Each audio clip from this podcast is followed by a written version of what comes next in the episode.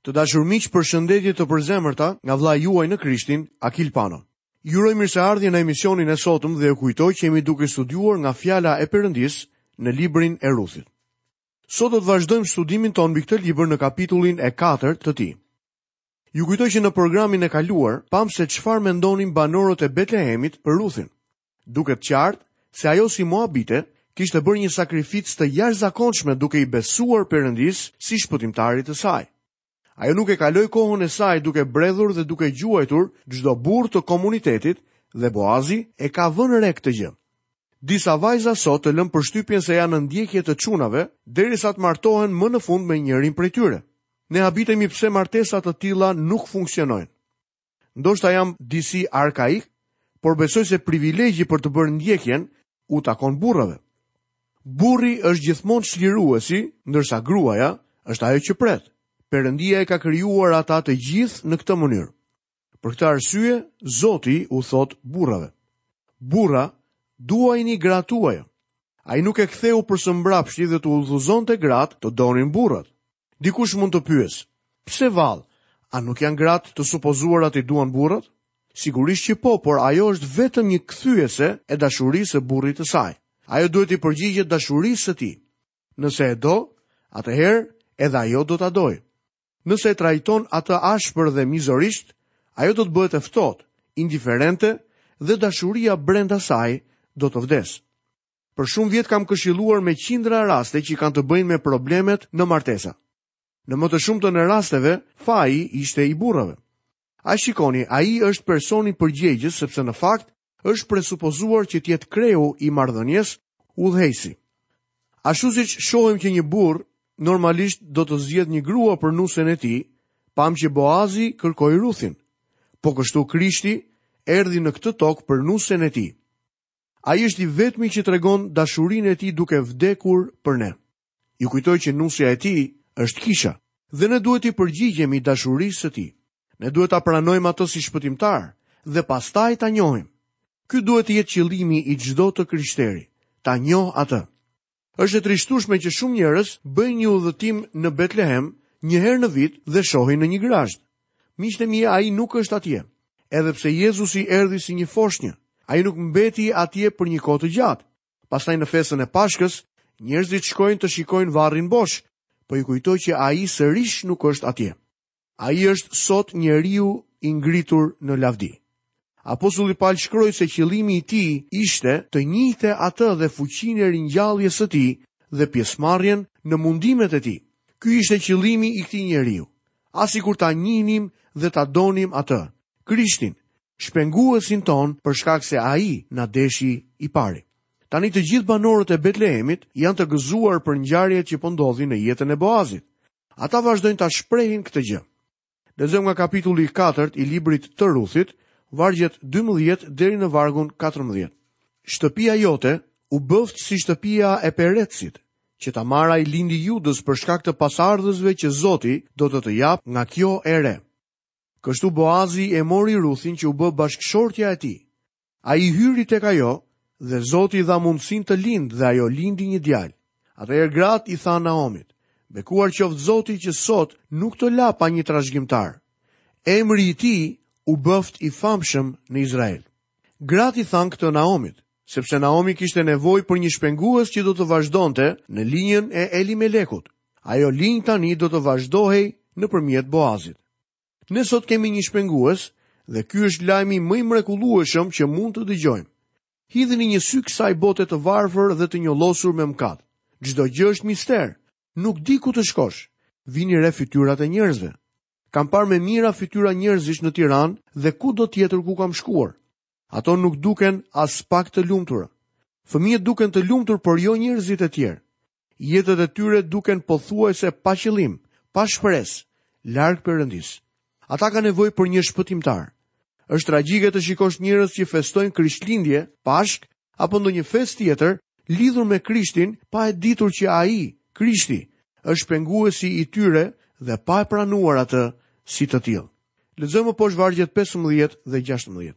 Pastë mundësi ai të të rimëkëmbë jetën dhe u bëftë mbështetja e pleqërisë sate, sepse e ka lindur nusja jote që të do dhe që vlen për ty më tepër se shtatë bij. Pastaj Naomi e mori fëmijën e vuri në gjirin e saj dhe u bë taja e saj. E shihni, ky fëmijë është nipi i Naomit. Ai është shumë i çmuar për të. Lexojmë vargun shtatëmbëdhjetë. Fqinjët i vunë një emër dhe thonin, i lindi një djalë Naomit, e quajtën Obed, ai qe ati i Isait, ati i Davidit. Fqinjët e Naomit, duke parë dashurinë e saj të madhe për foshnjen, e quajtën Obed, që do të thotë shërbëtor ose adhurues. Edhe pse nuk kishte gjakun e Naomit, ligjërisht ishte nipi i saj. Padyshim që ai u bë një shërbyes i vogël për Naomin në moshën e saj të vjetër dhe zuri vendin e lënë bosh nga vdekja e burrit dhe dy djemve të saj. Prona e saj sigurisht që i takonte djalit të Boazit dhe Ruthit. Ai është një adhurues i Perëndisë së gjallë dhe të vërtetë. Më poshtë jepet gjenealogjia e Obedit. Obedi ishte i ati i Isait. Kush është Isai? Isai është ati i Davidit. Lexojmë vargjet 18 deri 22. Ja pasardhësit e Peretsit. Peretsit i lindi Hecroni. Hecronit i lindi Rami. Ramit i lindi Aminadabi. Aminadabit i lindi Nashnoni. Nashnonit i lindi Salmoni, Salmonit i lindi Boazi, Boazit i lindi Obedi, Obedit i lindi Isai dhe Isait i lindi Davidi. Kjo gjenealogji që mbyll librin e Ruthit është po aq e rëndësishme sa çdo pjesë tjetër e Testamentit të Vjetër. A e dini pse? Sepse ky libër i vogël dhe kjo gjenealogji janë ato që lidhin familjen e Davidit me fisin e Judës. Pa të, ne nuk do të kishim asnjë fakt të shkruar të kësaj lidhjeje. Siç e shihni edhe ju, kjo e bën librin e vogël të Ruthit shumë të rëndësishëm, sepse i përshtatet planit dhe skemës së Zotit. Pika kulminante e librit të vogël të Ruthit është pamja e shpenguesit që i referohet Zotit Jezu Krisht. Në çfarë kuptimi e përmbush Zoti ynë, atë që përfaqëson shpenguesin e së drejtës? Një njeri duhet të përmbushë disa kërkesa që të klasifikohet si shpengues. Do të shohim disa prej tyre. Së pari, duhet të jetë një fis i afërt. Së dyti, duhet të jetë i gatshëm të shpengojë. Kërkesa e tretë është që shpenguesi duhet të jetë i aftë të shpengojë. Së katërti, shpenguesi duhet të jetë i lirë për vete. Dhe së fundi, shpenguesi duhet të ketë çmimin e shpengimit. Ai duhet të jetë i gatshëm të paguajë propozimin ligjor që është i pranueshëm. Boazi ishte i aftë t'i përmbushte të gjitha këto kushte si shpenguesi i Ruthit. Edhe Zoti Jezu Krisht, si Shpenguesi ynë dhe i gjithë botës, i përmbush të tëra këto kërkesa. Së pari thamë se Shpenguesi duhet të ishte një i afërm. Kjo duket qartë dhe nuk ka nevojë për prova. Në fakt, kjo ishte arsyeja pse Boazi mund të vepronte. Ai tha, Unë jam i afërmi yt. Nga fillimi deri në fund na paraqitet fakti se Boazi ishte i lidhur me familjen e Elimelekut.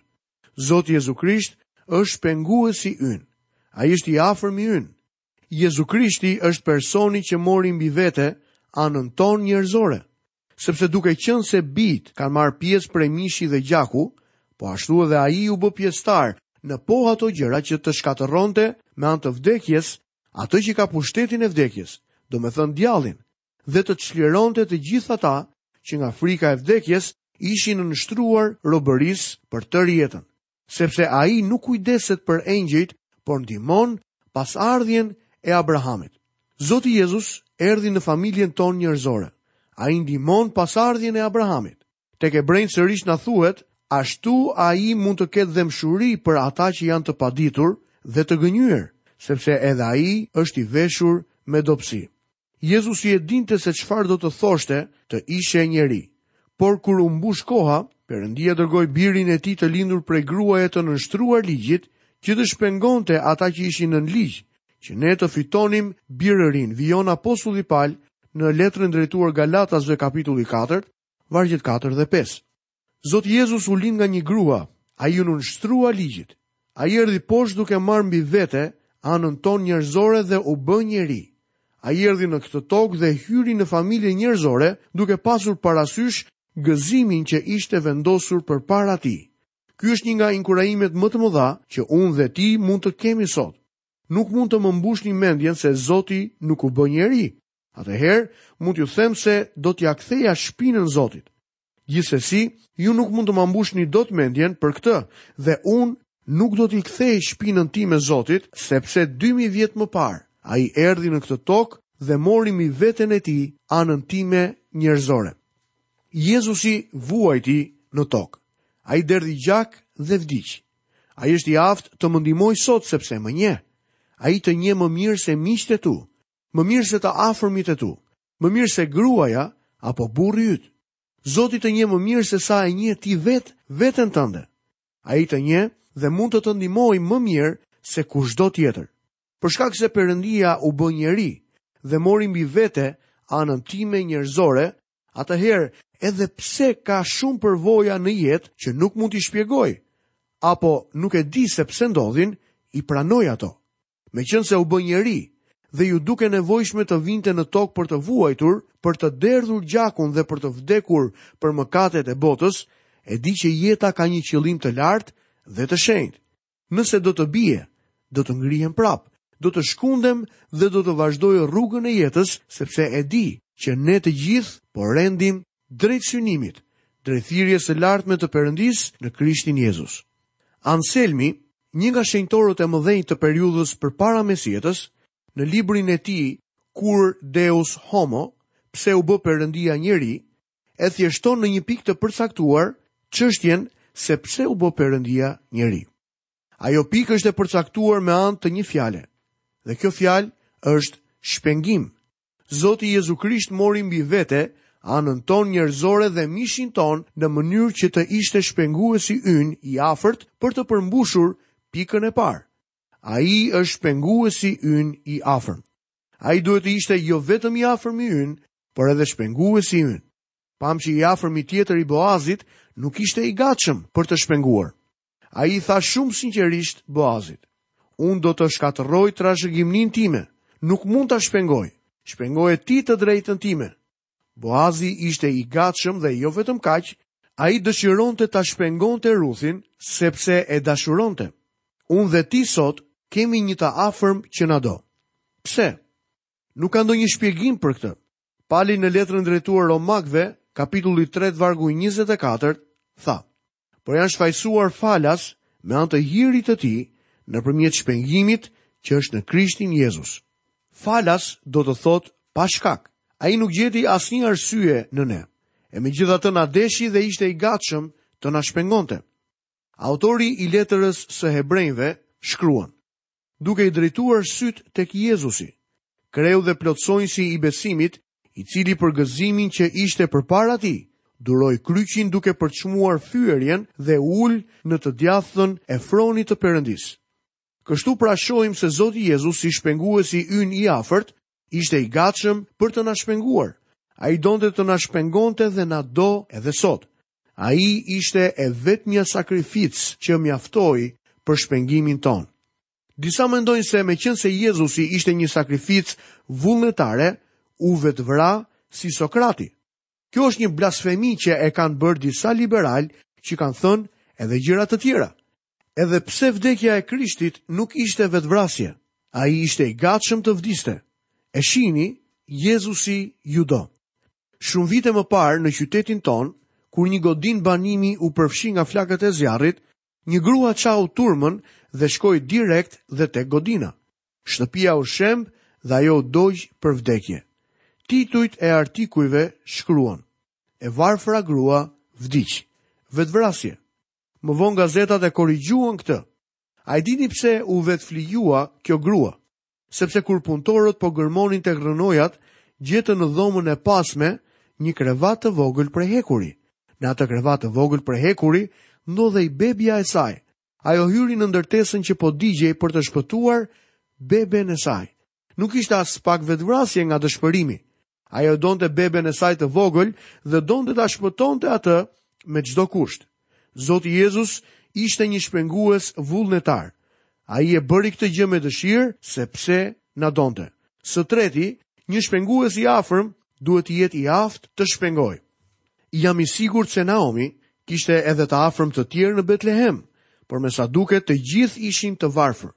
Ndoshta një nga netët pasi Naomi ishte kthyer nga Moabi, këta të afërm kishin ardhur tek ajo me shamitë e tyre dhe kishin qarë. Me siguri i kishin thënë, Naomi, na vjen keq për ty, por nuk mund të të ndihmojmë dot. Nuk mund të ndihmojmë as veten tonë.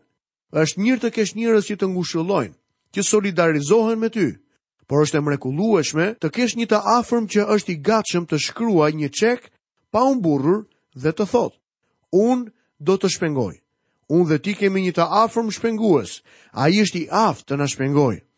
A e keni vënë re se shumë herë në Testamentin e Ri thuhet se Zoti Jezus është i aftë. Ai është i aftë. Shkruesi i Hebrejve në kapitullin e 7 dhe vargu 25 tregon: Prandaj edhe mund të shpëtojë plotësisht ata që me anë të tij i afrohen Perëndisë, sepse gjithmonë rron që të ndërmjetësojë për ta. Ai është shpenguesi ynë i madh me aftësinë e plotë për të na shpëtuar. Nuk ka asnjë dyshim që Jezu Krishti mund të na shpengojë. Jobi mund të thoshte, por unë e di që shpëtimtari im jeton dhe që në fund do të ngrihet mbi tokë. Unë mund të them sot se e di që shpëtimtari im jeton, sepse tani është në anën e djathtë të Atit dhe dikur jetoi mbi këtë tokë. Në fakt, një ditë, Jezusi erdhi, ai e zbuloi dhe manifestoi plotësisht veten e tij, hyjninë e Perëndisë mbi njerëzit. Shëroi të sëmurët, hapi sytë e të verbërve, Përmes mrekullive të papara ndonjëherë, ushqeu turmat e mijëra njerëzve me bukë dhe peshq. Qetësoi stuhinë në mes të detit me anë të një fjale. Ngriti të vdekurin nga varri. Por në fakt, Fjala e Perëndisë na tregon që Jezusi erdhi për të vdekur në kryq. Ai u var në një kryq në mënyrë që të mund të na shpengonte nga mëkati. Dhe në fakt, Krishti është i aftë të na shpëtojë. Ne na është thënë se Perëndia e lartësoi madhërisht dhe i dha atij një emër që është përmbi çdo emër tjetër, që në emër të Jezusit të përkulet çdo gju dhe çdo gjuhë të rrëfejë se Jezu Krishti është Zot për lavdi të Perëndisë, Atit. Ai është i aftë të na shpëtojë. Ai është i aftë të të shpëtojë ty miku im. Pyetja ime është, a të ka shpëtuar ai ty? A e ke lejuar ti Krishtin të vijë dhe të hyjë në jetën tënde? A ke ardhur tek Ai me dëshpërimin e zemrës tënde duke e kërkuar Atë të falë mëkatet e tua? Ai dëshiron ta bëjë këtë gjë dhe Ai do ta bëjë vetëm nëse ti vjen tek Ai. Përpara se të mbyllim këtë emision, unë dua të të ftoj ty mik i dashur, Nëse akoma me zgjedhjen tënde të lirë nuk ke ardhur te Krishti, të lutem, bëje sot. Jezusi është i vetmi i cili mund të pastrojë mëkatin jetën tënde. Ai është shpenguesi i afërm. Jezusi me anë të gjakut që derdhi në kryq, është në gjendje plotësisht të të pajtojë ty me Perëndinë, të sjellë brenda teje jetën e përjetshme, të stabilizojë një marrëdhënie të mrekullueshme midis teje njerëzorit dhe Perëndisë së vërtetë hyjnor. Unë dua të të ftoj që përmes kësaj lutje ti ta ftosh Jezusin të hyjë në zemrën tënde. Le të lutemi së bashku. Zoti Jezus, kam nevojë për ty. Të lutem më shpëto mua, më pastro mua me gjakun tënd. Unë besoj se ti je i gjallë. Tani të pranoj ty si Zotin dhe shpëtimtarin tim. Më jep jetën e përjetshme. Më ndrysho mua o Zot. Mbushe jetën time me shpresë dhe gëzim. Jezus, unë besoj në ty. Në emrin tënd unë lutem. Amen. Të dashur miq, pas kësaj lutje ju kujtoj që studimet tona mbi librin e Ruthit kanë marrë fund me këtë emision Por ne do të vazhdojmë studimet tona duke hyrë në një cikël të ri studimesh mbi librin e Veprave të Apostujve. Qëndroni së bashku me ne në emisionin e ardhshëm për të filluar studimin tonë në kapitullin e parë të librit të Veprave. Nga vëllai juaj në Krishtin, Akil Pano, Perëndia ju bekoftë.